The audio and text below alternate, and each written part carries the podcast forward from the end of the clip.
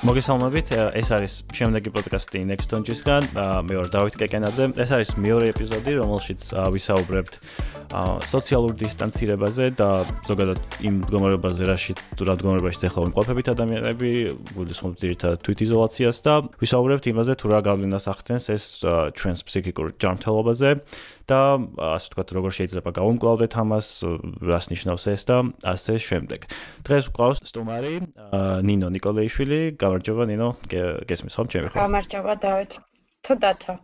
დავით, დავით, დავით მერჩენია ხო? კარგი, მაშინ დავითიც მოგვარდა. გამარჯობა. კი ბატონო, მოდი მოკლედ გაგვაცანი შენი თავი რომ მსმენელმა კი ბატონო, მივესალმები თქვენს მსმენელს და ამჟამად ჩემსას. მე ნინო ნიკოლაიშვილი ვარ, პროფესიით ვარ განათლების ფსიქოლოგი, ასე ბავშვთა და მოზარდთა კლინიკური ფსიქოლოგი. აა და რა ვიცი, სფეროში ვმუშაობ უკვე 2014 წლიდან და დღეს გესაუბრებით იმ თემებზე, რაც დავითმა მოგახსენათ. კი ბატონო. ა რომ მოგწერე რომ პოდკასტში მინდოდა ჩაგვეწერა ერთად, რომ მითხარი რომ გიყვარს შენს პოდკასტები და მე მგონი რომ მომავალში შენთაც გინდა რომ გქონდეს ძალიან გავიხარდა, იმიტომ რომ ესე იგი ნაცნობი ის არის შენთვის. კი, ძალიან მიყვარს აპლიკაციები, მაქვს ანუ უბრალოდ გადმოწერილი მაქვს პოდკასტის აპლიკაციები, სხვადასხვა არხები მაქვს აყვარელი და მიხარია რომ ჩვენთანაც ეს კულტურა შემოდის, იმიტომ რომ ძალიან ჩემი აზრით ძალიან სასარგებლო ეს ერთ-ერთი მიმართულება, როგორც საგანმანათლებლო, ისევე გასართობი და ასე შემდეგ. მოკლედ, რო გადავიდეთ ჩვენს თემაზე, კი ბატონო. მე მგონი საკმაოდ უცნაურ მდგომარეობაში აღმოჩნდა კაცობრიობა, იმიტომ რომ ყოველ შემთხვევაში ადამიანები ხო ადამიანების დიდი ნაწილი საერთოდ ან მსგავსი გამოცდილება საერთოდ არ აქვს და არც მოხდარა საერთოდ ასეთი რამ დიდი ხნის განმავლობაში. და აღმოჩნდა რომ უცბად რაღაც ფილმის სცენარში ჩავსხედით მართლა ყველანი და არ ვიცით თან როგორ უნდა გავუმკლავდეთ ამ ყველაფერს, იმიტომ რომ ყველაფერი ახალია, ვირუსი ახალია, არ ვიცი, ზომები როგორ მუშაობს, ეგენ ეგეც ჯერ გამოსაცდელი, ასე შემდეგ, ასე შემდეგ.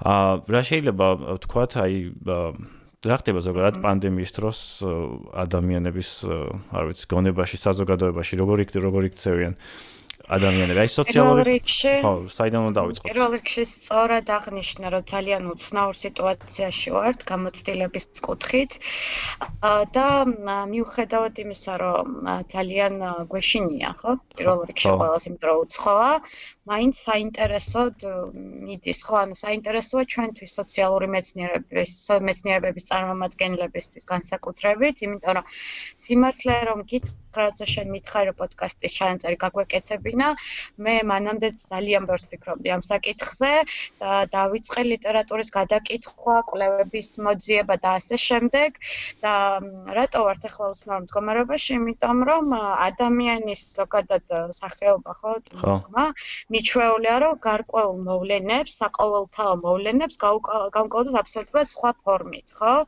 ანუ ყველა დარეძახიან ადამიანს სოციალურ ცხოველს, თითქმის მთელი მსოფლიო მიჩვეულია, რომ პირიქით გაუმკლავდეს მოვლენებს, ანუ იმით კი არა, რომ სოციალური დისტანცირება დაიწყოს. ხო.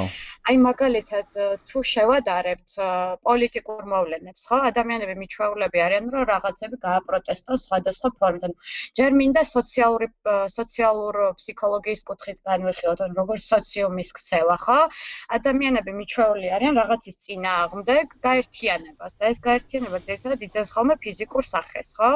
ანუ იქნება ეს აქციები, როცა დიდ მასობრივ პრობლემებზე არის ლაპარაკი, იქნება ეს პოლიტიკური თუ სხვა საკითხები, ხო? ანუ საზოგადოება, როგორც ასეთი სახე თავის დეფინიციით გულისხმობს გაერთიანებას თავისივე არსში.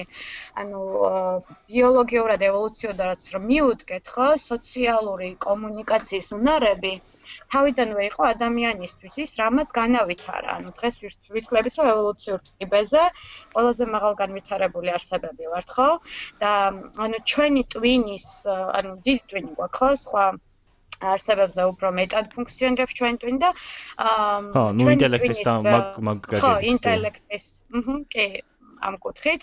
ანუ რამდენ ენერგიასაც ხარჯავს ჩვენი ტვინი იმაზე, რამდენ ფსიქიკურ ენერგიასაც ხარჯავს ჩვენი ტვინი იმაზე, რომ მაგალითად კოგნიტურმა პროცესებმა იმუშაოს გამართულად, ანუ გონებრივი აქტივობა დარჩეს გამართული, იმდენივე ენერგიას ან შეიძლება უფრო მეტსაც ადამიანების ტვინი მიჩვეულია, რომ ხარჯავს სოციალურ კონტაქტებზე.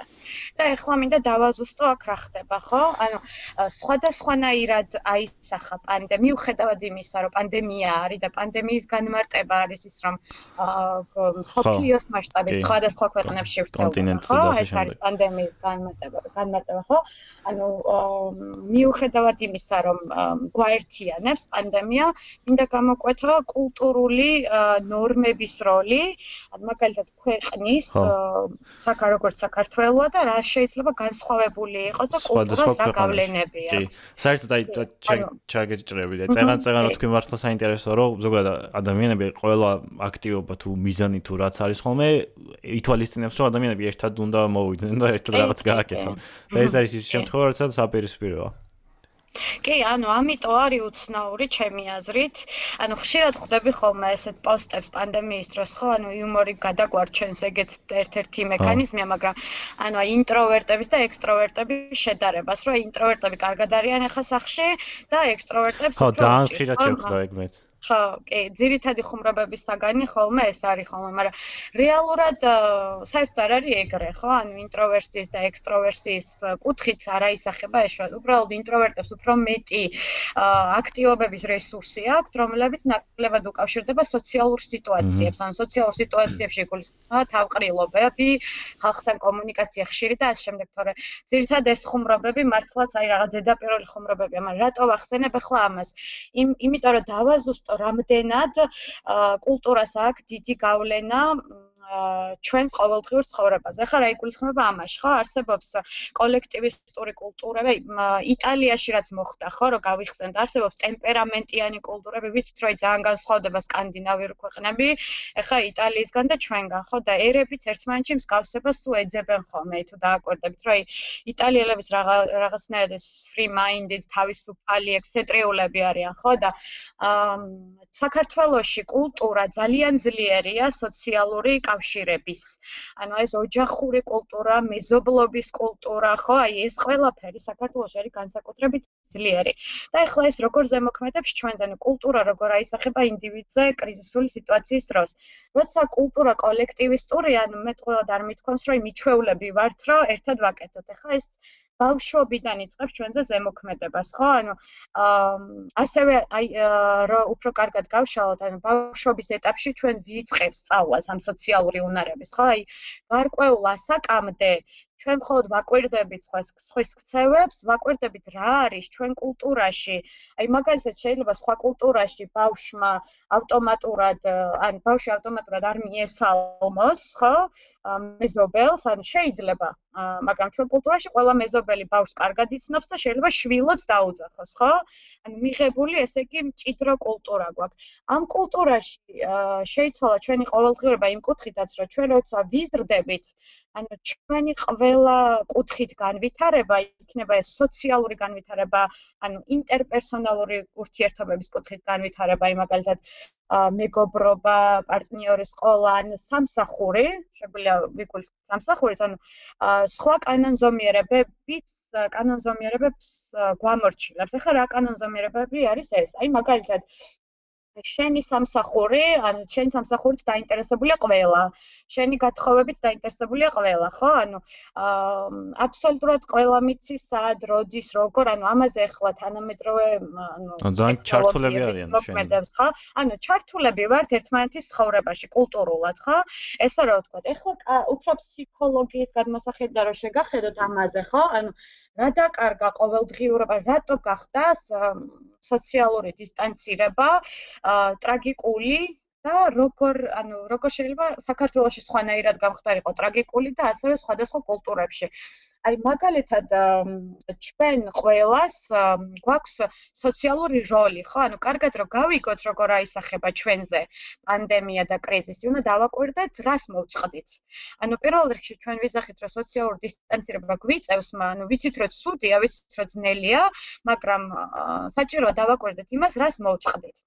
ეხლა კულტურასა და ამას შორის კავშირში, ხო? ანუ ჩვენ სამსახურში იმიტომ დავდივართ, მოსდი, მოდი ასე ვთქვათ, რომ ავიღოთ ანაზღაურების გარდა იქ კიდე ბევრი სხვა რამე, ხო? აი სხვა კულტურები, ხო, რამის ხარ დინდა ასე კავშირები. არა, ზოგადად აი ეს მომივიდა თავში, ანუ საერთოდ ესეც შეხვდა, სოციალური დისტანცირება არის თუ ფიზიკური დისტანცირება თუ ამათ შორის განსხვავება, ანუ აი კი, ამ განსხვავებაზეც უნდა ვისაუბროთ აუცილებლად. აი დაასრულე და მაგალითად გადავიდეთ. აი მაგალითად რას მოვწყდით? არიან განსხვავებული ფენები, ხო, პირველ რიგში. ან ზოგიერთ ეკონომიკურ და პოლიტიკურ ფაქტორებს ვერ განვიხილავ ამ პოდკასტის ფარგლებში, იმიტომ ძავრცელი თემაა, მაგრამ ვიცით, რომ სხვადასხვა სოციალურ ფენაზე აი სახე სხვადასხვანაირად, მაგრამ ანუ რადგან მაინც მსმენელზე ვარ ორიენტირებული, ხო, ან დაახლოებით ასაკობრივ ზღვარს გავთვლი და იმ ადამიანზე ვისაუბრებ, ვინც მოწყდა სამსახურს, ანუ ვინც თავისი პროფესიით არის დასაქმებული და ვინც ასე თუ ისე, არ ვიცი, მაღალ ფუნქციურად თუ ასე ვთქვათ, რაღაცა ნორმის ფარგლებში ახერხებდა აქამდე ფუნქციონირებას პირად ცხოვრებაშიც და სამსახურშიც, ხო? ანუ პირველ რიგში ჩვენ მოვწყდით იმას, რომ მიჩვეულები ვართ კულტურულად და აღზრდიდან გამომდინარე, მიჩვეულები ვართ გარეგან წახალისებას. ეხლა რას გულისხმობს ეს? ანუ ჩვენ უნდა დავაკვირდეთ ჩვენ სამუშაო კულტურას, ხო? ანუ ის რომ ადამიანი აქაც მიდის სამსახურში და სხვაგან მიდის სამსახურში, ანუ შრომის და ორგანიზაციის ფსიქოლოგიაც ამბობს ფიქრობს ამას, რომ სამსახური თუ მარტო ანუ უბედურები ვიქნებით, ხო თუ მხოლოდ ანაზღაურებაზე ვიქნებით ორიენტირებულები. ამიტომ ვირჩევთ იმ პროფესიას, რომელსაც ვიცახით, რომ მე ჩვენი საყვარელი პროფესიაა, ხო? ანუ ერთი რომ ეს სიამოვნებას მანიჭებს, მაგრამ მეორე ძალიან დიდი მნიშვნელობა აქვს, რომ ჩვენ ფაქტობრივად ვირჩევთ ადამიანებს, რომლებიც მსგავსნი არიან, გარკვეული מחასიათებლებით და ჩვენ სფეროში ტრიალებენ, ხო? აი, რასაც ბაბლს ეძახიან ხოლმე, ასე რომ ვთქვათ. ანუ სამსახურში იქ იქითკენ ვიწევთ, კარგ სამსახურსაც იქვეძებთ, სადაც კარგი სოციალური გარემოა. ანუ ბევრი ეძახის, რომ ანუ კარგი უფროსი დანიშნულია, კარგი თანამშრომელი, ხო, მაგრამ ანუ უფრო დეტალურად რომ მივუდგეთ, ხო, ანუ შრომა, ნებისმიერი სახის შრომა და სწავლა ჩვენ კულტურაში აღზრდიდან გამომდინარე არის სოციალური საკითხი. ანუ ნახეთ იშვიათია ჩვენ ასაკში, ანუ ბევრი შრომა გვიწევს იმისთვის ჩვენ ახალგაზრდებს მაგალითად, რომ მაგალითად არსებობს ეს ფრილანსერების ტენდენცია, ხო, რომლებიც ისედაც სახლიდან მუშაობდით, ჩემი ჩათვლით ხანდახან. ხო, მეც მეც მეც გამოცდილება, კი. კი, ანუ კულტურულად ეს არის რაღაც ტენდენცია, რომელიც ნეონელა შემოდის და ანუ აი ზოგი ადამიანი ძახს, რომ მე ამას ვერ შევძლებდი. რატო? ხო, იმიტომ რომ ძალიან ბევრი არის დამოკიდებული, რამდენად თვითკმარი არის ადამიანი. ანუ შეიძლება მეც და შენც აღმოჩნდეთ ერთნაირი სტრესული ფაქტორის ზემოქმედების ქვეშ, ხო? მაგრამ მე და შენ სხვადასხვანაირად ვრიაგირებთ ამ სტრესულ ფაქტორზე. ზოგადად ადამიანი ითვლება თავისი მოცემულობით როგორც ძალიან სტრეს გამძლე არსება რა. რეზილიენს ეძახიან ამას რომ ანუ მაღალი სტრესის მიმართაც კი ადამიანს მედეგობა აქვს გამომუშავებული და იცის როგორ გადალახოს ეს სტრესორები. მაგრამ არის გარკვეული უნარები რაც მესაჭიროება რომ ეს გავაკეთო. ეს ერთ-ერთი არის ანუ კულტურიდან გამომდინარე რამდენად ჩამოუყალიბდება ადამიანს ეს უნარები. აი ერთი არის რომ დავყოთ ხო მოქალაქეობრივ როლს რამდენად შევასრულებ ხო? ანუ რამდენად შევასრულებ ჯარიმის შიშით არა, ვთქვათ, აი იმ ჯარიმის შიშით არა, რომ 3000 ლარი დამეკისრება ჯარიმით, რომ აი რომ მითხრან, რომ არ გავიდე ქუჩაში, რამდენად არ გავალ. ანუ რა ღირებულებები მაქვს ცხოვრებაში, ანუ რატო არ გავალ, თავს რატო შევეზღოდა, ხო? ერთი არის ეს, მაგრამ მეორე არის, რომ შეიძლება შევასრულო ეს ყველაფერი არ გავიდე, მაგრამ სახლში რომ დავრჩები, აა როგორა ვარ? მოდი ასე ვთქვათ, რომ არ გავედი და ანუ რა მომიტანა ამ იზოლაციამ და რატომ ეშინიათ ასე ვთქვათ იზოლაციებს? ანუ მე მინდა რომ გამოუყო, რომ არის რეალური საფუძვლიანი შიში ეპიდემიიდან, პანდემიიდან გამომდინარე, ანუ ეს არის ჯანმრთელობასთან დაკავშირებული შიში, რომელიც არის ბუნებრივი. მაგრამ რატო გამოიყო სოციალური დისტანცირება როგორც ესეთი მნიშვნელოვანი საკითხი? იმიტომ რომ უბრალოდ სამსახურში ვერ მივდივართ, ანუ კი არსებობენ ადამიანები, რომლებიც მართლა ფულის საშოვნელად, თქვა ყოველდღიურად ამათთვის აუცილებელია რომ გავიდნენ გარეთ. მაგრამ ანუ რო დავაკვირდეთ ხო ანუ ის საქმიანობები რას შესრულებადია სახლში, მაგრამ მაინც მირჩევნია, რომ სამსახურის გარემოში კეთო. ეს არის გარკვეულ კანონზომიერებებთან დაკავშირებული. აი მაგალითად, კანონზომიერება არის ის, რომ როცა ადამიანი იწყებს უკვე სამუშაო აქტივობებში ჩართვას დასრულობის ეტაპიდან, ხო? ის ეჩვევა გარკვეულ გარკვეულ სტრუქტურას. ანუ სტრუქტურა არის შემდეგი, რა ნუ მე შეიძლება დამეზაროს ზოგჯერ მუშაობა, კი, ჩემი პროფესია, მაგრამ ანუ ზოგჯერ ნაკლებს ვიმუშავებ, ზოგჯერ მეც ვიმუშავებ, მაგრამ მე მაქვს ორგანიზაცია, მე მყავს უფროსი, მე მყავს თანამშრომლები, ვინც ვისთან ერთადაც ჩაბმული ვარ ამ ყოველდღიურობაში. და რაღაცნაირად ეს ერთმანეთს აბალანსებს რა, ანუ ისე არასდროს არ მივქარავ, ანუ რომ რაღაცა დავაშავო. შეიძლება ცოტა არ წავიმუშავო, შეიძლება ცოტა წავიმუშავო, მაგრამ სივრცე სამუშაო გარემო სოციალური კომუნიკაცია ამას არეგულირებს. აი მაგალითად, წავალ სამსახურში არ ვარ ხასიათზე, იქ ჩემი შემიწყობს ხელს, ანუ მაგალითად ძალიან ცუდად გრძნობ თავს ვიცი რომ საქმე მაგ გასაკეთებელი მაგრამ უცბად ჩემი უფროსი მეტყვეს რომ აი არა უშავს მოდი აი ახლა დავგეგმოთ ხვალ როგორ გააკეთებ. ამას წადი გამოიძინე ხო? ანუ რეალურად ყველა სამსახურში ან სოციალურ სივრცეებში ეძებს რას? კომფორტს ხო? ანუ გამოდის რომ ფაქტობრივად დამოკიდებულები ვართ სოციალურ ინტერაქციაზე იმიტომ რომ სოციალური ინტერაქცია პირდაპირ კომფორტთან არის ასოცირებული. კომფორტი არის რა? შექება და მოწონება ჩვენი. ხო. მაგრამ მიღწევის შეგრძნება აი იდეაში ეს რაღაცები ხო ეს ესენი ხო შეიძლება ანუ რამდენად უშლის ამას დისტანცირება? უბრალოდ ონლაინ ეხა ხო დიდი ნაწილი გადავიდა. ჩვენც მაგალითად პოდკასტს წერთ დისტანციურად სხვა შემთხვევაში ჩავწერდით ერთ ოთახში მაგალითად მარკეტკენ მივდივარ. აი ზუსტადაც რომ უშლის რატომ? იმიტომ რომ მეკვლევებსაც გავეცანი რომ ტექნოლოგიები ხო მუდმივად იცვლება თუნდაც ეს აუთბრეიკი ხო სმარტფონების ინტერნეტი ყველაფერი ცვლის კომუნიკაციის ფიზიკური კავშირის ნაკლებობა არის რაც ვერ ნაცვლდება ნაკლებობა იდეა. ფიზიკური კავშირის ნაკლებობა ვერ ნაცვლდება და რა არის ახლა ეს ფიზიკური კავშირები? ანუ სოციალური უნარები რა არის? ჩვენ ვართ მიჩვეული, აი მაგალითად, რომ დააკვირდეთ ყოველდღიურ ცხოვრებაში ჩვენი ნებისმიერი ქცევა, ან ჩვენ სულ გარშემორტყმული ვართ ადამიანებს, ადამიანებით, სულ ანუ ყველგან, ხო? და ჩვენი ტვინი ავტომატურად, ანუ ჩვენი ქცევა ყოველთვის მიბმულია ინტერპრეტაციაზე ამ ადამიანების, როგორ არის კომენ ჩვენს ქცევას. ხო, ადამიანები როგორ, კი ბატონო, როგორ იქცევიან თვითონ. აი, ტრანსპორტშიც რო ავიდე, ანუ რაღაც ავტომატურ დონეზე, ანუ მე დამახსოვრებული მაქვს მოქცევის წესები და ასე შემდეგ, მაგრამ ვრეაგირებ სოციალურ ქცევაზე. სხვა ადამიანებს ვიღაცა თუ გამომელაპარაკება, უცბად შევხედავ, დავაკვირდები რატონით მელაპარაკება სახის მიმიკას გავშიფრავ, მე რე ჩემი ტვინი ავტომატურად უპასუხებს კეთილგანწყობილი ადამიანი ვარ თუ არ ვარ იმის მიხედვით, ხო? ანუ ყველა შენი ქმედება გამომდინარეობს ხვების ქმედებებიდან. კი, ყველა ჩვენ, ანუ ჩვენ ვართ მიჩვეულები, რომ რეგულირება მოვახდინოთ საკუთარი ქცევის ხვებზე დაკვირვებიდან გამომდინარე. და რაც ამ ხვებს გამოვთიშავთ, ამ გამო კი, როცა ამ ხვებს გამოვთიშავთ, ანუ რჩებით ჩვენ. რატო არის ფიზიკური დისტანცია აქ მნიშვნელოვანი? ნახეთ, იმიტომ რომ ჯერ ერთი, ანუ სუფთა ფიზიოლოგიურ დონეზეც, ანუ ავტომატურ დონეზეც ჩვენ დამახსოვრებული გვაქვს სივრცეები, გარკვეული სივრცეები, გვაქვს ჩვენი რიტუალები გაუცნობიერებლად, ხო, აი მაგალითად რომ სამსახურის წინ იქნა შეიარო ყავა იყიდო, ასე შემდეგ. მთელი დრო, მთლიანი დრო გაქვს გადანაწილებული. აა მოკლედ ზრდასრული ადამიანის მთავარი ფუნქცია ესე რომ ვთქვათ, რომ რატო ვდებთ რაღაცა ნივთებს იქ სადაც ვდებთ. და რაც უგჭირდება რომ იქ იდოს, ხო? იმიტომ რომ როცა დამჭირდება ეს ნივთი, ნაკლები ენერგია დამეხარჯოს იმაზე რომ ეს ნივთი მოვძებნო. ანუ მთელი ადამიანი და უფრო მეტი რესურსი დავხარჯო სხვა უფრო სასარგებლო რამეზე, ვიდრე იქნებოდა მაგალითად ამის მოძებნა. ხო?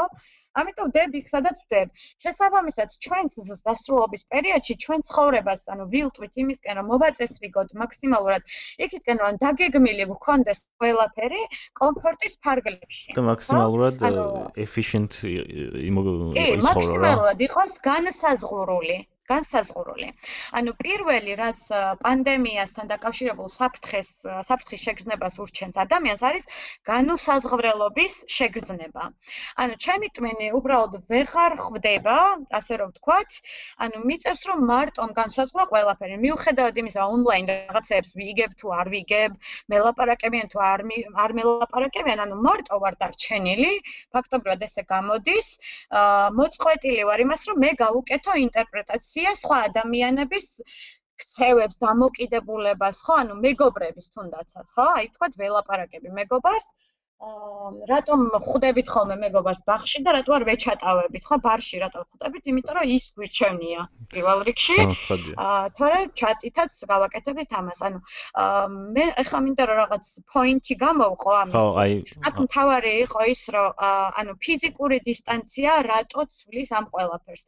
რატო ცვლის ამ ყველაფერს იმიტომ ცვლის რომ ჩვენ არ შეგვიძლია შეზღუდულ გარემოში მოვაწყოთ ისეთი სივრცეები, ანუ ვერ ჩავინაცვლებთ სახლის გარემოში იმ სივრცეებს, რაც აქამდე ჩვენთვის ანუ უკვე გამოყოფილი ქონდა, ვიცოდით, როდის შეირნობდით, ვიცოდით რა აქტივობას ჩვენთვის რა ფუნქცია ქონდა. ანუ ვიცოდი, რომ თუ გავიდოდი მეგობართან სასაუბროდ, ეს იყო ჩემი დასვენება. ქონდა ამისთვის გამოყოფილი დრო. სამუშაოს ქონდა გამოყოფილი დრო. ანუ ჩვენ ახლა ფაქტობრივად გვიწევს, რომ ძალიან შეზღუდულ სივრცეში ახალი მენეჯმენტური უნარები გამოვიმუშავოთ. თავიდან დავალაგოთ თელ ცხოვრება.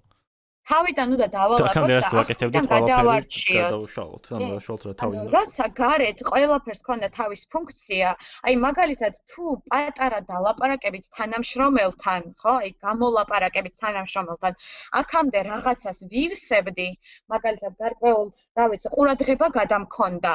ხო? აი, დავიღალე მუშაობი და ყურადღება გადამქონდა, გამოველაპარაკებოდი ჩემ თანამშრომელს და ისევ მე ენთუზიაზმით გავაგრძელებდი მუშაობას, ანუ ჩვენ გამოსავალი იმაშია და ის გვიჭირს ზუსტად რომ განახლებულ სივრცეში, ანუ სუფთა გარემოში გვიწევს ვიპოვოთ ჩამნაცვლებელი აქტივობები. ანუ ყველაფრის ჩანაცვლება ჩანაცვლება გვიწევს, მაგრამ ანუ მან ერთ ერთი რამე არის მნიშვნელოვანი, უბრალოდ რომ დავამატებ, რომ ანუ ყველა ჩემთვის ძალიან თვალში მომხვედრია ის, რომ ადამიანებს გამოუთავისუფლოთ თურმე თავისუფალი დრო. და ასევე სოციალური მედიის საშუალებით ხშირად მხვდება. ესეთი რაღაცები, რომ აი ამდენი დრო გაქვს, ხა ციგნი უნდა დაიკითხო, დაჯდე ის იმუშავო ისე ვისე და ახალი ისე კი უფრო მეტი რაღაცა ვიცი. ხო, უფრო მეტი რაღაც შეიძლება და ანუ აბსოლუტურად დამაბნეველი და არასწორი მიდგომა არის ეს ასე ვთქვათ ზეწოლა ადამიანის ფსიქიკაზე, მინდა რომ ყველამ კარგად გააცნობიეროს, რომ ნებისმიერ ახალ საფრთხის შემცველ სიტუაციას, რომელიც პირდაპირ უკავშირდება ისეთ სერიოზულ ტრავმას, როგორიც არის ჯამრთელობის, ასე ვთქვათ, გარდაცვალების, საყვარელი ადამიანის დაკარგვის, შიში, გლოვის, ეკონომიკის მგრევის და ასე შემდეგ, არც ერთი ადამიანი არ იქნება პირველივე საწყის ეტაპზე, ასე ვთქვათ, გამოჭიმული და მზად იმისთვის, რომ ეს ყველაფერი გააკეთოს და ამ ყველაფერს თავი გაართოს და ახალი რაღაცები ისწავლოს და რაღაც გაიმარჯოს ამ ყველაფერს. ანუ ეს არის ესეც აღზრდიდან გამომდინარე მე ყველა არ ვახსენე აღზრდა და მინდა რომ ამას ხაზი გავუსვა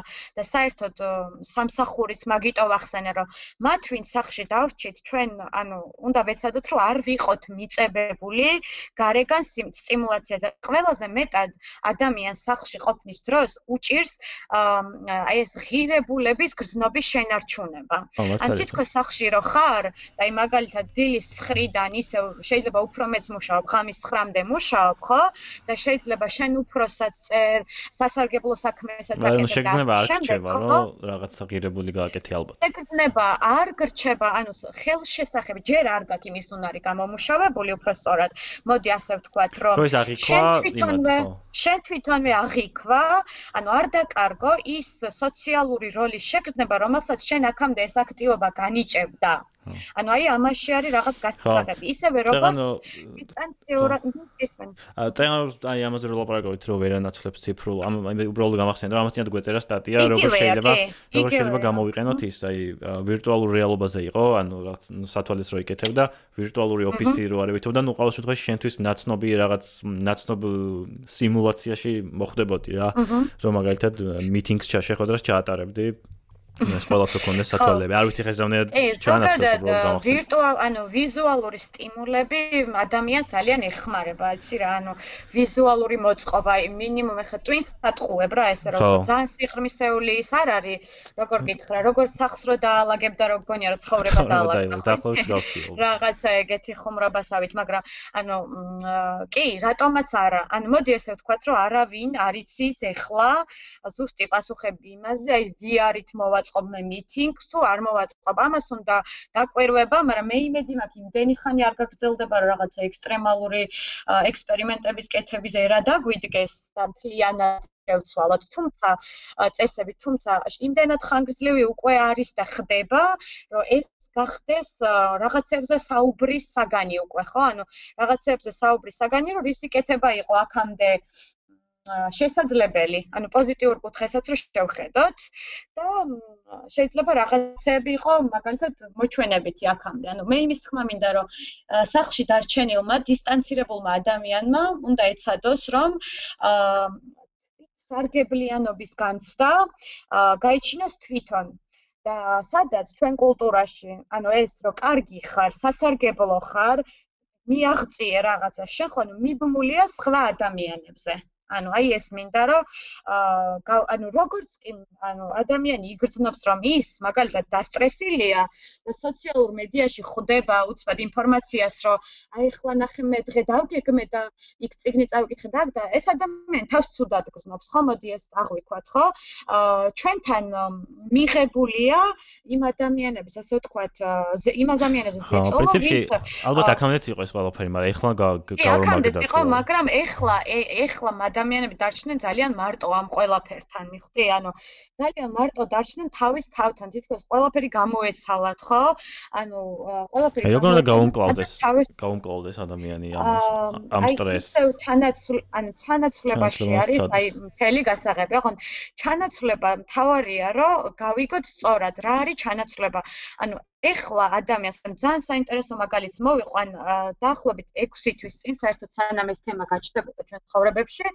აა ჩემი ერთ-ერთი კვლევის საგანი იყო მარტოობა ანუ მარტოობის აღქმა და მარტოობის განცდა. აა და ესე დაემთხვა რომ ეხლა ზუსტად ამ საკითხის პირისპირ დგევართ ანუ კვლევები მაგალითად აჩვენებს რომ აი ბავშვობაში ანუ სხვადასხვა კულტურაში მაგალითად ხო? აა ბავშვობაში ყველგან მიღებულია რომ მარტოობა არის საშიში ანუ ბავშვები რომლებსაც მარტო უყვართ ყოფნა უფრო მიმართავენ ხოლმე მათი მშობლები მაგალითად ფსიქოლოგს და სადიაგნოსტიკო სერვისებს, მაგრამ აი სხვადასხვა ევროპულ კულტურებში უფროსო, ან როცა გავიზრდებით დასრულებში, მიღებულია რომ ადამიანს საკუთარი თავისთვის, ანუ მარტო ყოფნისთვის, გამოყოფილი კონდეს დრო და აი ამ დროს არ გადაუხვიოს.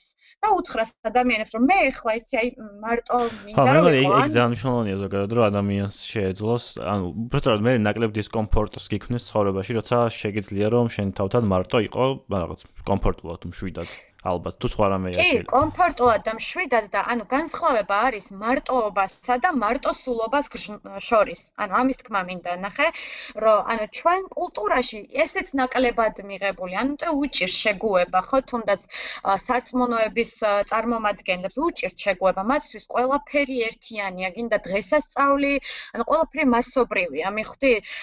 არ არის ეს მაინც და მაინც ინდივიდუალისტური კულტურა და ამაზეც რომ არ იყოს, ანუ ჩვენ კულტურა კულტურაში აი მარტოსულობა, მარტოსულად მიიჩნევა ადამიანი, რომელიც მაგალითად უფრო მიდრეკილია, რომ ესეთ არასოციალურ სიტუაციებში იყოს ხოლმე ჩართული. ანუ მარტო დარჩეს.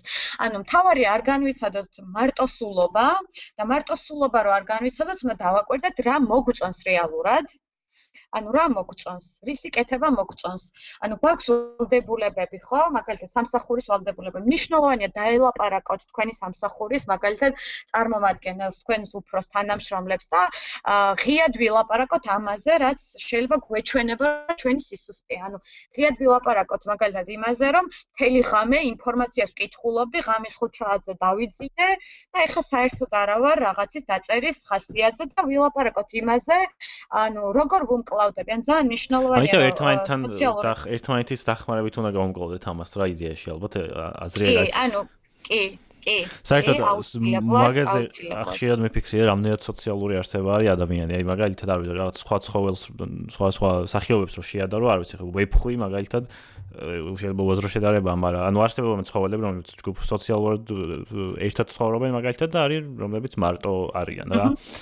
და ვიფიქრია რომ ადამიანიც რო დავუშვათ საერთოდ სხვანაირი იქნებოდა ყველაფერი ალბათ ეგრე რო იყოს მაგრამ რომ არ იყოს სოციალური და რაღაც solitary ქართულად არ არ ვიცი ტერმინს რა ქვია. კი ბატონო, ანუ solitary ზოგადად მე მგონი მარტოობაა, ხო? ხო. solitary მარტოობა. ხო, solitary. ცხოველ ანუ ცხოველებს ყოფენ ხოლმე რომ solitary animals მაგათ არის. ხო, მარტო ხო, არა, ადამიანი თავისი ბუნებით, როგორც უკვე ვახსენე, ან ტვინის ფუნქციონირებიდანაც კი გამომდინარე, ანუ ყველაფერი სოციალურ უნარებზე არის დაშენებული, აი აბსოლუტურად. აი ბავშვები მაგალითად, პატარა ბავშვები როგორ სწავლობენ? სწავლობენ თამაშით, სხვებთან თამაშით. ხო? ანუ მარტო ვერ სწავლობენ. აა ისიც დაკვირვებით და სხვებთან თამაშით. ხო, და ანუ ძალიან ძლიერი უნარი გვაქვს ადამიანებს, რომ ამოვიცნოთ სხვა, არის თუნდაც ის რომ სახეებს ბავშვები ძალიან პირველ და კიდე სურათები რო არის ბევრი სადაც ყველგან სახეები რო გვეჩვენება, ეგეც რაღაც ის არის, რომ ყოველთვის ვეძებთ საპირისპირო კი არა და სხვა სხვას მოკლედ ადამიანს. იცი რა, ეს არის გამოწვეული, აი იქიდან გამომდინარე, რომ ადამიანს ეს ჭირდება, ანუ ეს სოციალური უნარები არის გადარჩენის ნაშთი, ესე რომ აი ულცურადად მარტო მარტო ყოველთვის სუსტი იყო და ანუ ჯგუფურად ძლიერი იყო და ახერხებდა რომ გამკლავებოდა სხვა სხვა გამოწვევას, რაც გარშემო ბუნებაში აა კი, კი ბატონო, აი რატო არის გადარჩენის უნარი? ნახე, ანუ ყოველდღიურობის მაგალითი რომ მოვიყვანო, ხო? აა უფრო რაც უფრო გაწვრთნილი ვარ, მაგალითად სოციალურ ურთიერთობებში, ანუ რატო არის პოპულარული მაგალითად ემოციური ინტელექტის თემა და მსგავსი და მსგავსი, რატო არ გვაქვს მარტო კოგნიტური ფუნქციები და გონებრივი შესაძლებლობები და აიქი, ხო?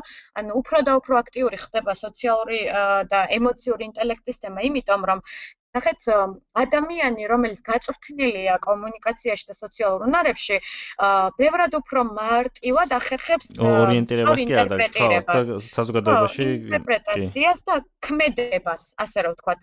ბევრად უფრო მარტივად მოქმედებს ნაკლები ენერგია ეხარჯება და მოქნილია, ბევრად მოქნილია და ბევრად უფრო კომფორტულად არის, იმიტომ რომ მარტივად შეუძლია დაადგინოს სხვა ადამიანის მაგალითად intentions რა. ხო, მიზნები თუ მიზნები არის ზუსტი, მაგრამ ხო. მოტივები. ხო, ანუ იმ იმას რომ ერთმანეთს ვაკვირდებით და ერთმანეთთან კონტაქტში ვიწრთუნებით, ქონდა თავის დროზე გადარჩენის ფუნქცია და დღემდე სხვა ფორმითაც ინარჩუნებს. ასევე ძალიან დიდი მნიშვნელობა აქვს მარტო აი ისე ტექნოლოგიას შეიძლება რომ ეგ ანუ უბრალოდ როგორ არ შეიძლება ანუ აი იმის თქმა მინდა და რამდენად მნიშვნელოვანი უნარია მაგის ქონა და ამ შესაძლებლობების ქონა რომ დავშოთ ესე სხვა ადამიანების წაიკითხო მიზნები, მოტივები ასე შემდეგ, რამდენად გიადვილებს ცხოვრებას და ამას არავინ არ გასწავლის მაგის თქმა მინდა რომ სადმეს უნდა ისწავლო ციგნში. არა, იცი როგორ არის, აი ნახე, ეხა ძალიან რთულ საქმეს ეხები შენ, იცი რატო? იმიტომ რომ ძალიან ტენდენციურია მაგალითად აა ჩვენ ფსიქოლოგები ცოტა განაწყენებულები ვჩერდით ხოლმე, იცი რითი რა, აი ძალიან ტენდენციურია პატარ-პატარა ტრენინგები კომუნიკაციაზე, შეხვედრია ხო, ალბათ რა, როგორ გავიგოთ ის და როგორ გავიგოთ ეს. მე ამ უნარზე არ ვლაპარაკობ, ანუ როგორ წავეკითხოთ სხვისი აზრი ან რაღაცა. მე ვლაპარაკობ საზოგადოებასთან ურთიერთობაზე. თან ანუ თანამშრომლობაზე და ჩემი ადგილის პოვნაზე, ანუ როგორ არის იცი, ყველაფერი იცვლება და ყველაფერი ვითარდება. ხო, შენ ადგილის პოვნაზე, მაგრამ თუ მოუხელთებელი მოუხელთებელი ხარ ამ სოციალურ ურთიერთობაში, ეს ყველაფერი ბევრად გიჭირს. კი, კი, უკან ხევს ფუნქციონირებაში, უკან ხევს ფუნქციონირებაში, მაგრამ აი ტექნოლოგიას რადგანაც შევახეთ, ხო, ერთი არის რომ ფიზიკურად თქვა მიმიკის ინტერპრეტაციას ვერ ვაკეთებს ხვისი, აი ეს მეორე არის უამრავი ფაქტორი, ხო, არის იქ მაგალითად სივრცე, გარემო, ანუ სხვანაირ ხასიათზე ვარ მე კაფეში, ყავა სახში ვერ დავლე, მაგრამ კაფეში ვსვამ, ხო? სხვანაირ ხასიათზე ვარ სხვა სივრცეში, ანუ ჩვენი განწყობები პირ ანუ პირდაპირ არის მიბმული სივრცეებზე, ხო? ეხლა ეს ცოტა ისეთი თემა არის, მე ზოგადად მემარცხენე ფსიქოლოგი ვარ და არ მინდა რომ ძალიან ჩაუყრმავდე, რომ აი ჩემი აზრით, რა ვიცი, კონსუმერიზმი რო შეწყდა, ეგ კაია, მაგრამ ან ძალიან დიდი თემა არის რა, მოკლედ. არ მინდა ამას ჩაუყრმავდე მაგრამ სუფთა ფსიქოლოგიური კუთხით, ანუ აი განწყობის კუთხით. აა ადამიანი იმიტომ გრძნობს თავს ყოველდღიურ რუტინაში კარგად, რომ მას უკვე აღმოჩენილი აქვს, მოწყობილი აქვს ის სივრცეები, სადაც თავის განწყობას არეგულირებს. სახლი არის დასვენების სივრცე. სახლი არის ის, სადაც ოჯახთან ან მარტო უნდა ვიყო, ან გავერთო, ან მოკლედ უნდა ვაკეთო ის, რასაც სამსახურში არ ვაკეთებ და გარეთ არ ვაკეთებ, ხო? ანუ ეხლა სახლმაც კი იცვალა მთლიანად ფუნქცია, ხო? ხო, აი ისიც ბევრად ძალიან ხშირად შეხვდებოდი, რომ რთულია გამიჯუნა, ანუ სად თავდება, სად რომელი თავდება შენი ცხოვრების სფეროები, ასე ვთქვათ, რა სამსახური იქნება თუ გართობა იქნება, იმიტომ რომ ყველაფერი გაერთიანდა ერთ იმაში. ყველაფერი აქ არის, ხო? ყველაფერი აქ არის.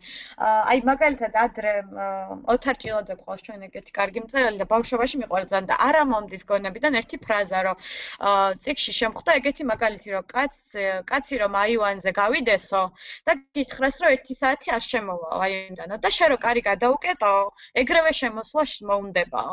ანუ აქ ჩანს ან და ეგრევე პანიკა დაიწყება, რომ რატო არ რატო ვერ შემოვდივარ, ანუ მე რომ მომინდეს უცბად რომ მომინდეს. ანუ მივხვდი როგორ ტემპს არის ანუ კარგად ჩანს აქ ადამიანის გონების თამაში რა. ანუ იმაში კი არ არის საქმე რომ მე აივანზე აღარ მინდა 1 საათი ყოფნა. მე ვარ მიჩვეული რომ მე გავიზარდე ხო ანუ მინდა მოდი ესე გავაკეთოთ.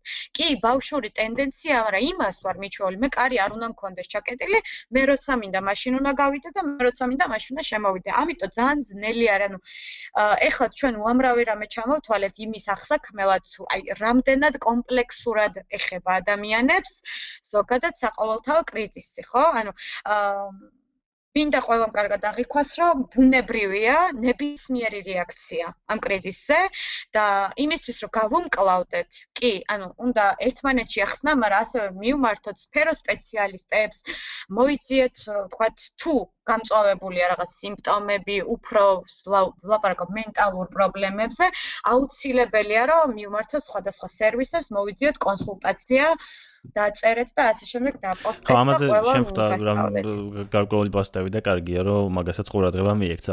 ამ ამაზე სანამ სანამ დავიწყეთ პოდკასტს, რაღაცებს რა თვალიერებდი, აი ერთი იყო გაურკვევლობის შეუმწყნარებლობა. რამდენად ხო, ყველაზე ერთ-ერთი ყველაზე შემაწუხებელი რა მე მგონი არის სწორედ გაურკვევლობა. კი და კი და ჩვენ აი გახსოვს წეღან ვილაპარაკე ზუსტად ზუსტად მაგაზე რომ განუსაზღვრელობაში ვართ ხო ადამიანს ჩვენ ვართ მიჩვეულები რომ ვიცით წინასწარ ასე თუ ისე სად მოვხვდებით და რა გველოდება. ანუ გვაქვს გარკვეული გეგმები და მოლოდინები. ანუ თუ რაღაცა უბედური არ შემემთხვა, ან რაღაც არ მოხდა, ხო? ანუ დაახლოებით ჩემი ტვინი იმისგან ისვენებს, ანუ წარმოსადგენი არ მაქვს რა, მოკლედ ხა ხვალ რომ მივალ ცუნამი ჩამოწובה ჩემ სამსახურთან თუ მეგობრის სახლთან თუ არ ჩამოწובה, ვიცი რომ არ ჩამოწובה, ხო? ეს ცუნამი, ხო?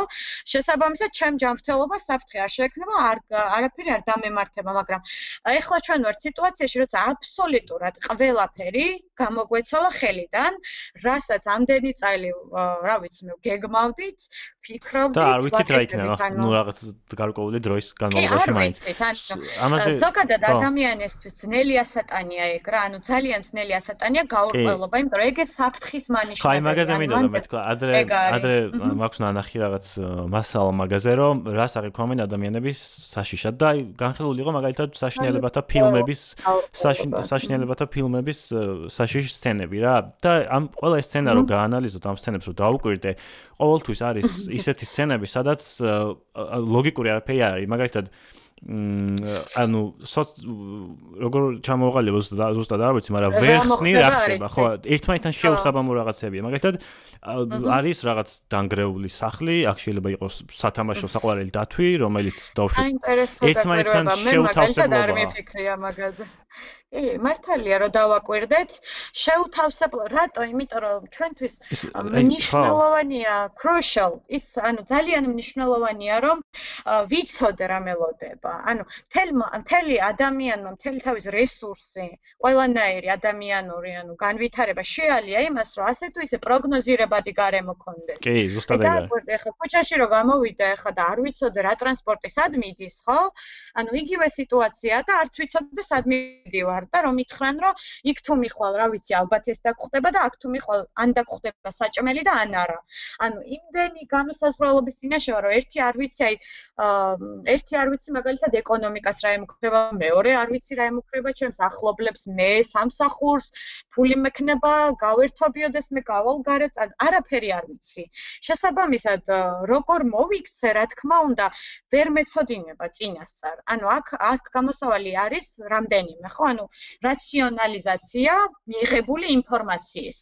ანუ თუ ჩვენ აუყვებით საყოველთაო, ანუ პანიკა რა არის? ანუ პანიკა უფრო სხვა ტერმინი არ გამოვიყენოთ კიდე ეს მინდა რომ პანიკა რა არის განმარტება? თუ თუ ეს შეიძლება ჩამოყალიბდეს. პანიკა არის მდგომარეობა, კი, როცა ანუ ადამიანები მასობრივად იწებენ მხოლოდ საკუთარ უსაფრთხოებაზე ზრუნვას და უკვაგდებენ სხვა ადამიანების ჯანმრთელობას და უსაფრთხოებას. აი მაგალითად, ქუჩაში გავდივარ და გადაგთელე.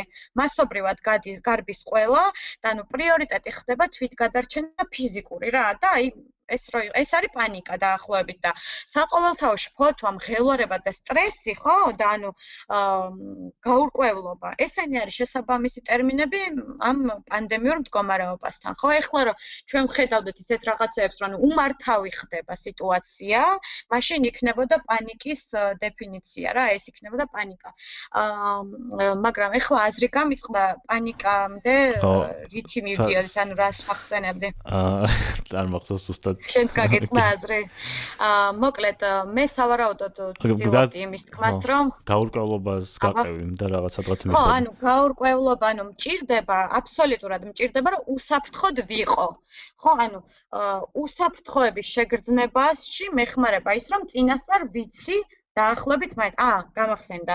რაციონალიზაცია არის თქო გამოსავალი. ანუ როგორ უნდა მიუყვე ამ ამ სიტუაციას როგორ უნდა მიუყვე არის ის რომ შევარჩიო რამდენიმე სანდო საინფორმაციო წყარო. ხო, ინფორმაციაზე როგორ თან ეხა მუდმივად ვიღებთ ინფორმაციას და დღეს ეს არ არის კარგი.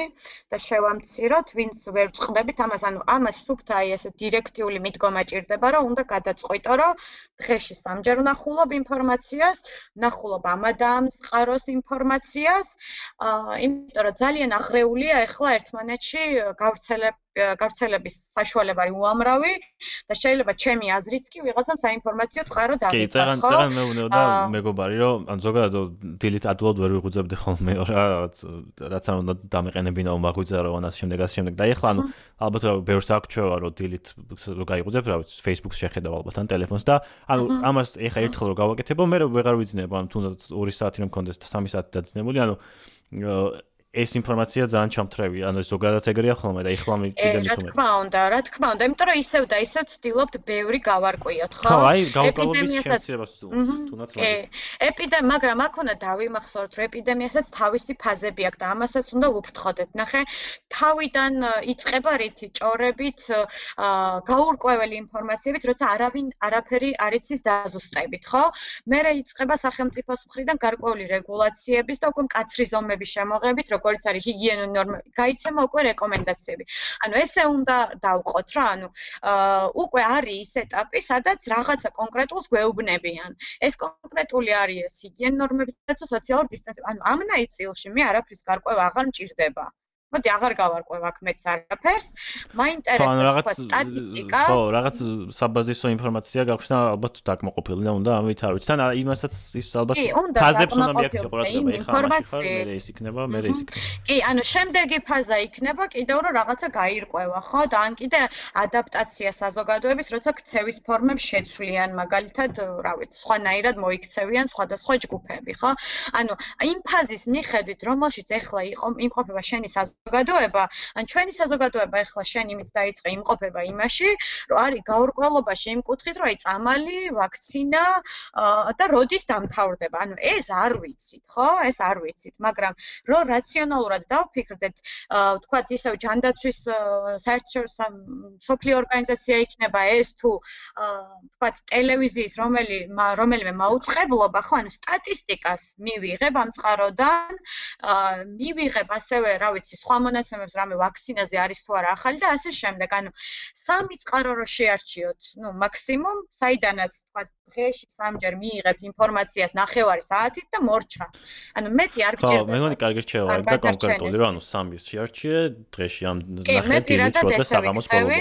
ანუ კი, გადავხედავ, აა ასევე არის ინფორმაციის მოძიებას, მოძიების ფორმებს შორის სხვადასხვა დააკვირდეთ, როცა ტელეფონს სკროლავთ, ხო? მაგალითად არის სხვადასხვანაირი ინფორმაციის მოძიების ფორმები, מחასიათებლების მიხედვით ადამიანების, ხო?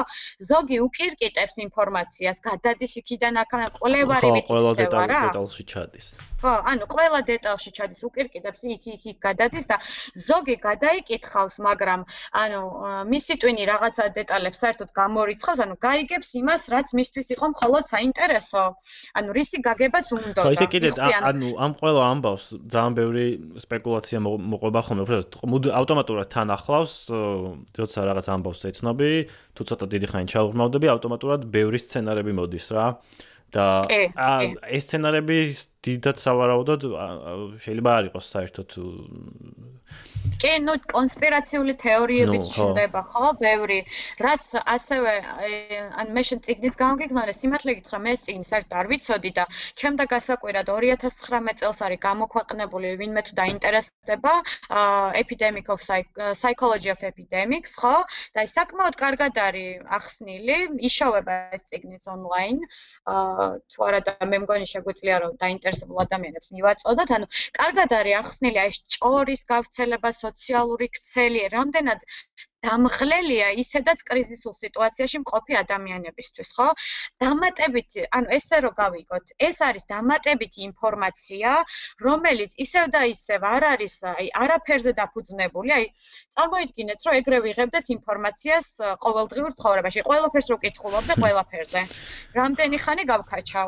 ან ნებისმიერი თემა რო ავიღო, აი ყველაფერს თუ კითხულობ იმაზე, მაშინ უკვე PhD ვარ, ხო? მაგრამ ეს არ არის სამედიცინო თემა, ეს არ არის რაც შემილია მე გავარკვიო მე დავასკუნა თუ არა ვარ მკვლევარი და მეცნიერი. მე ვარ მოქალაქე ამ შემთხვევაში ანუ ინდივიდი ვარ ვარ მოხვედრილი საყოველთაო სიტუაციაში კრიზისულ სიტუაციაში უნდა ვიზრუნო საკუთარ მენტალურ ფიზიკურ და სხვის ასევე ამ ორივე ტიპის ჯანმრთელობაზე ხო? შესაბამისად ანუ თავის გაფრთხილებაც არის ეს რაღაც კუთხით რომ დაზოგეთ თქვენ თავი იმიტომ რომ ინფორმაციის ესეთი ხშირი და აი ეს არის ინფორმაციის გაუფილტრავი და უწყვეტი ნაკადი. ანუ აი გაუფილტრავი. შენ შენ გიწევს გაფილტრა. მე გიქვეითდება ყურადღების ფუნქცია, რა თქმა უნდა, мотиваცია გიქვეითდება. ამაზე გქონდა საინტერესო სტატია გვეწერა, რომ აი ზოგადად ეს სკროლვის ფენომენზე, რომ მ აი როდესაც scroll-აო მთელი ეს ანუ ინტერფეისი თუ როგორ დავარქვა შექმნილია იმაზე რომ ინფორმაცია არ თავდება. ანუ რამდენიც არ უნდა scroll და შეყვან ის იყო რა ქვია მოყვანილი იყო შედარება უძირო თასი თუ რაღაც ასეთი იყო და კვლევ ექსპერიმენტი იყო ჩატარებული რომ ადამიანებს დაუდეს სუპი ანუ სუპი იყო თეფში და ერთ-ერთი თეფში მაგიდაზე ისე იყო რომ მუდმივად როცა ჭამდი არ არ თავდებოდა რა ავტომატურად ივსებოდა და ეს ადამიანები რომლებიც ამ თეფშთან ისხდნენ ჭამდნენ ბევრად მეც და ოღონდ თუცა იგონათ რომ თანაბრად თანაბარი რაოდენობა ჭამეს დაახლოებით. ხო და ანუ ამ უძირო ინფორმაციაში ვართ გადავარდნილები. კი, გადავარდნილები ვართ და ანუ როგორც წესი, ანუ იმდენად ყოვლის მომცველია ეს ფოთვა, ანუ ეს უნდა გავაანალიზოთ. აი რატო ვერ ვახერხებ მუშაობას? ანუ ეს ეტაპი ყველამ გავიარეთ, ზოგმა დავამთავრეთ, ზოგმა ვერ დავამთავრეთ.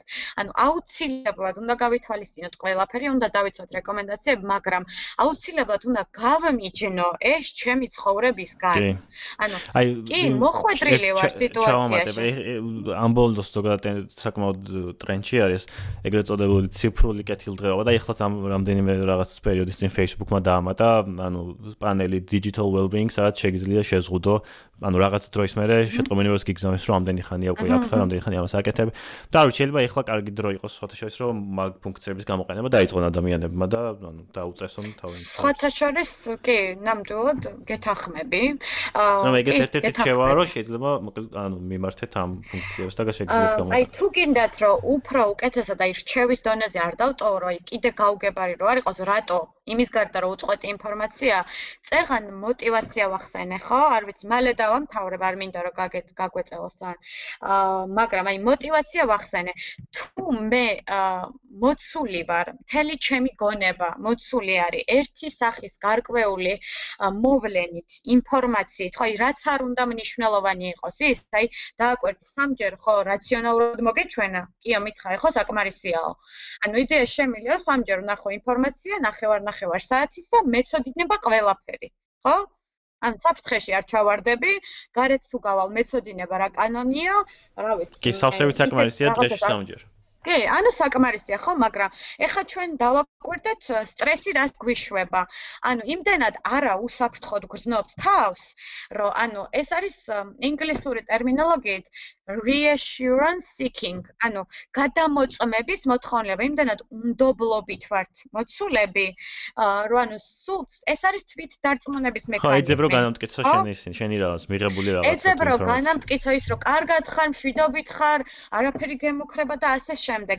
და ჩვენ ყურადღებას, ჩვენ ჩვენ სხვა ფუნქციებს ჭირდება გავარჯიშება. აუცილებელია ყურადღება გადავიტანოთ რამე ამ ყველაფრისგან მოწყვეტილ საქმიანობაზე, ეს იქნება ჩვენი სამუშაო თუ სხვა. ანუ ხედავ რომ ასევე ადამიანები დაკავდნენ რაღაც სცენარებს, რგავენ სახურავებს და მე დავგე დღეს რაღაც რუკოლა და ხა ველოდები და სამო. ანუ ეს არის ეს არის სწორი რეაგირება. ტიპური გამოვაცხო, ანუ ეს იქნება ყველასთვის ინდივიდუალური. ყველა მე მაგალითად ეხლა რა ვიცი მე შეიძლება სცენარე ვერ დავდგა, იმიტომ რომ პატან ძაღლი შემიჭამს, მაგრამ აუცილებლად რამეს ვიპოვი, რაც იქნება ვიცით ხო ახლა შეუზღუდავი ამ კუთხითაც ინფორმაცია, სტრესის შემამცირებელი აქტივობები და მით უმეტეს ადამიანი თავის თავს ყველაზე კარგად იცნობს.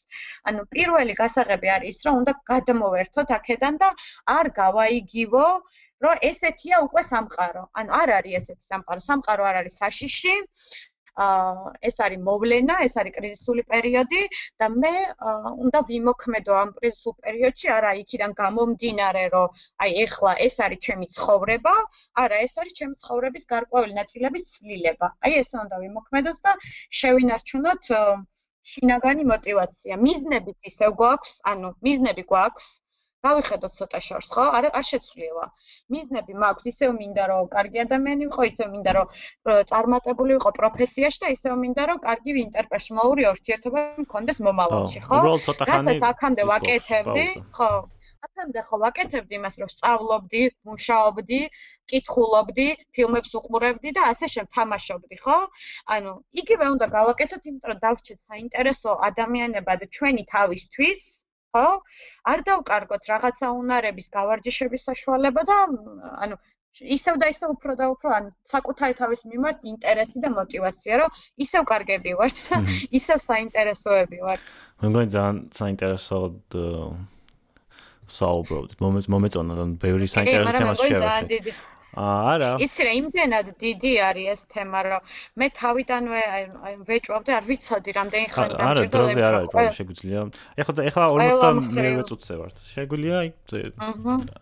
აცე შეგვიძლია წავიდეთ დასასრულისკენ. შენ თუ რაღაც გამოკვეთილი კითხვები. პრინციპში არ ვიცი, ბევრი ვლაპარაკეთ და ბევრ თემას შევეხეთ. აა ანუ ეს ერთი რამეც უნდა აღნიშნო, ჩვენი საუბარი ან თავიდანვე ვიცოდი, რომ არ იქნებოდა სტრუქტურული ფორმის, იმიტომ რომ როგორც უკვე აღნიშნე, ანუ ჩვენთვისაც სიახლეა, ხო? ანუ მაგალითად სხვადასხვა სირთულეებს ვაწყდებით სოციალური მეცნიერებების წარმომადგენელი, კვლევაზე ვერ გახვალ და კვლევას ვეღარ გააკეთებ, ვეილზე და ასე შემდეგ. შესაბამისად, ეს თემაც, ანუ მეც მით უმეტეს 27 წლის ადამიანი ვარ, რა უნდა ვიცოდე ახლა? იმდენი რომ მე აქ ჩავერთო და ექსპერტი პერსპექტივით ვილაპარაკო.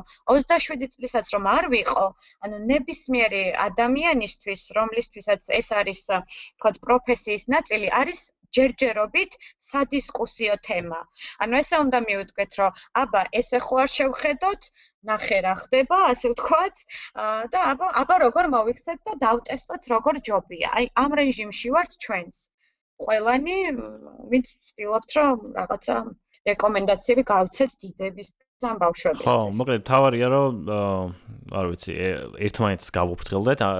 ამასთანაც ამავე დღის წინ იყო კვლევა რომ ეს ადამიანური ურთიერთობები ძალიან მნიშვნელოვანია, იმუნიტეტსაც კი აძლიერებს და ასე შემდეგ ასე. ბევრი ჯანმრთელობისთვის ბევრი დადებითი დიდი გავლენა აქვს დადებითი, ერთმანეთს უნდა გავუფრთხილდეთ, ეს ინფორმაციის მიღების სტილი დავარეგულიროთ რაღაცნაირად, რომ სულ ამაში არ გადავარდეთ.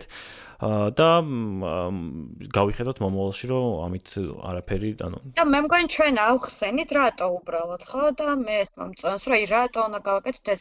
მაგრამ თუ გვაქვს დრო შემიძლია უფრო იცი რაზე ვილაპარაკო სტრეს დავაზუსტო უფრო სწორად სტრესზე სტრეს აი როგორ გამოიხატება სტრესის ზემოქმედება ადამიანმა როგორ უნდა მიხვდეს. დავაზუსტო და შემდეგ მორჩა კი, აი ეს იქნება მნიშვნელოვანი რატო? ახლა კეთყვი, იმიტომ რომ იმუნური სისტემა რადგან ახსენე, ხო?